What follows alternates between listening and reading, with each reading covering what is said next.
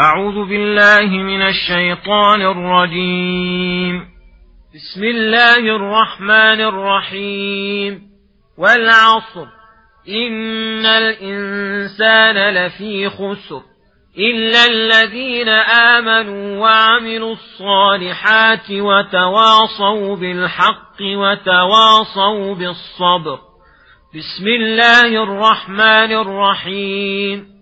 ويل لكل همزة لمزة. الذي جمع مالا وعدده يحسب أن ماله أخلده. كلا لينبذن في الحطمة. وما أدراك ما الحطمة. نار الله الموقدة التي تطلع على الأفئدة. إنها عليهم مؤصدة في عمد ممددة. بسم الله الرحمن الرحيم. ألم تر كيف فعل ربك بأصحاب الفيل؟ ألم يجعل كيدهم في تضليل؟ وأرسل عليهم طيرا أبابيل؟ ترميهم بحجارة من سجين فجعلهم كعصف مأكول. بسم الله الرحمن الرحيم. السلام عليكم ورحمة الله وبركاته. يقول الله سبحانه والعصر إن الإنسان لفي خسر. إلا الذين آمنوا وعملوا الصالحات وتواصوا بالحق وتواصوا بالصبر. أقسم تعالى بالعصر الذي هو الليل والنهار محل أفعال العباد وأعمالهم أن كل إنسان خاسر والخاسر ضد الرابح والخسار مراتب متعددة متفاوتة. قد يكون خسارا مطلقا كحال من خسر الدنيا والآخرة وفاته النعيم واستحق الجحيم.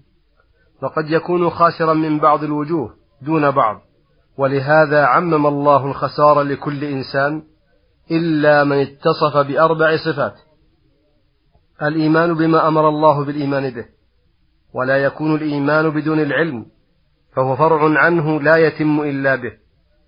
والعمل الصالح وهذا شامل لأفعال الخير كلها الظاهرة والباطنة المتعلقة بحقوق الله وحقوق عباده الواجبة والمستحبة. والتواصي بالحق الذي هو الإيمان والعمل الصالح أن يوصي بعضهم بعضا بذلك ويحثه عليه ويرغبه فيه والتواصي بالصبر على طاعة الله وعن معصية الله وعلى أقدار الله المؤلمة. فبالأمرين الأولين يكمل العبد نفسه وبالأمرين الأخيرين يكمل غيره. وبتكميل الأمور الأربعة يكون العبد قد سلم من الخسار وفاز بالربح العظيم. تم تفسير سورة العصر بحمد الله وفضله.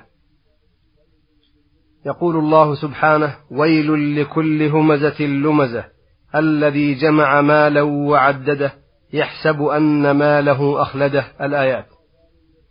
ويل أي وعيد ووبال وشدة عذاب لكل همزة لمزة أي الذي يهمز الناس بفعله ويلمزهم بقوله فالهماز الذي يعيب الناس ويطعن عليهم بالإشارة والفعل واللماز الذي يعيبهم بقوله ومن صفة هذا الهماز أنه لا هم له سوى جمع المال وتعديده والغبطة به وليس له رغبة في إنفاقه في طرق الخيرات وصلة الأرحام ونحو ذلك. يحسب بجهله أن ماله أخلده في الدنيا. فلذلك كان كده وسعيه في تنمية ماله الذي يظن أنه ينمي عمره ولم يدر أن البخل يقسه الأعمال ويخرب الديار وأن البر يزيد في العمر. كلا لينبذن أي ليطرحن في الحطمة وما أدراك ما الحطمة تعظيم لها وتهويل لشأنها.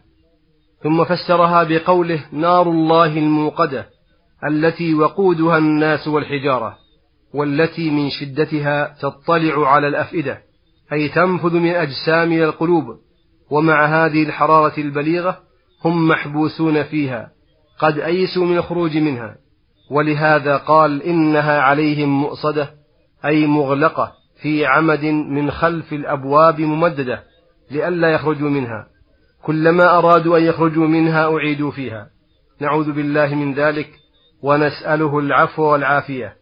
تم تفسير سورة الهمزة ولله الحمد والشكر يقول الله سبحانه ألم تر كيف فعل ربك بأصحاب الفيل الآيات؟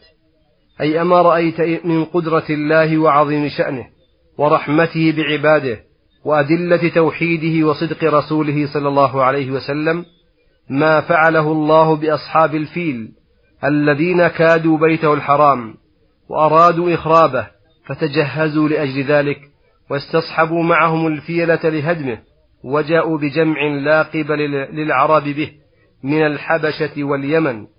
فلما انتهوا إلى قرب مكة ولم يكن بالعرب مدافعة وخرج أصحاب مكة وخرج أهل مكة خوفا منهم أرسل الله عليهم طيرا أبابيل أي متفرقة تحمل أحجارا محماة من سجيل. فرمتهم بها فخمدوا وهمدوا وصاروا كعصف مأكول.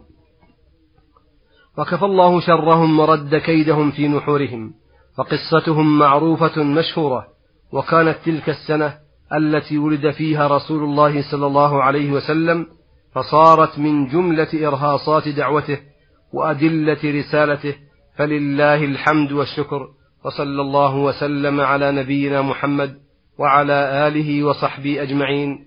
وإلى الحلقة القادمة غدا إن شاء الله. والسلام عليكم ورحمة الله وبركاته.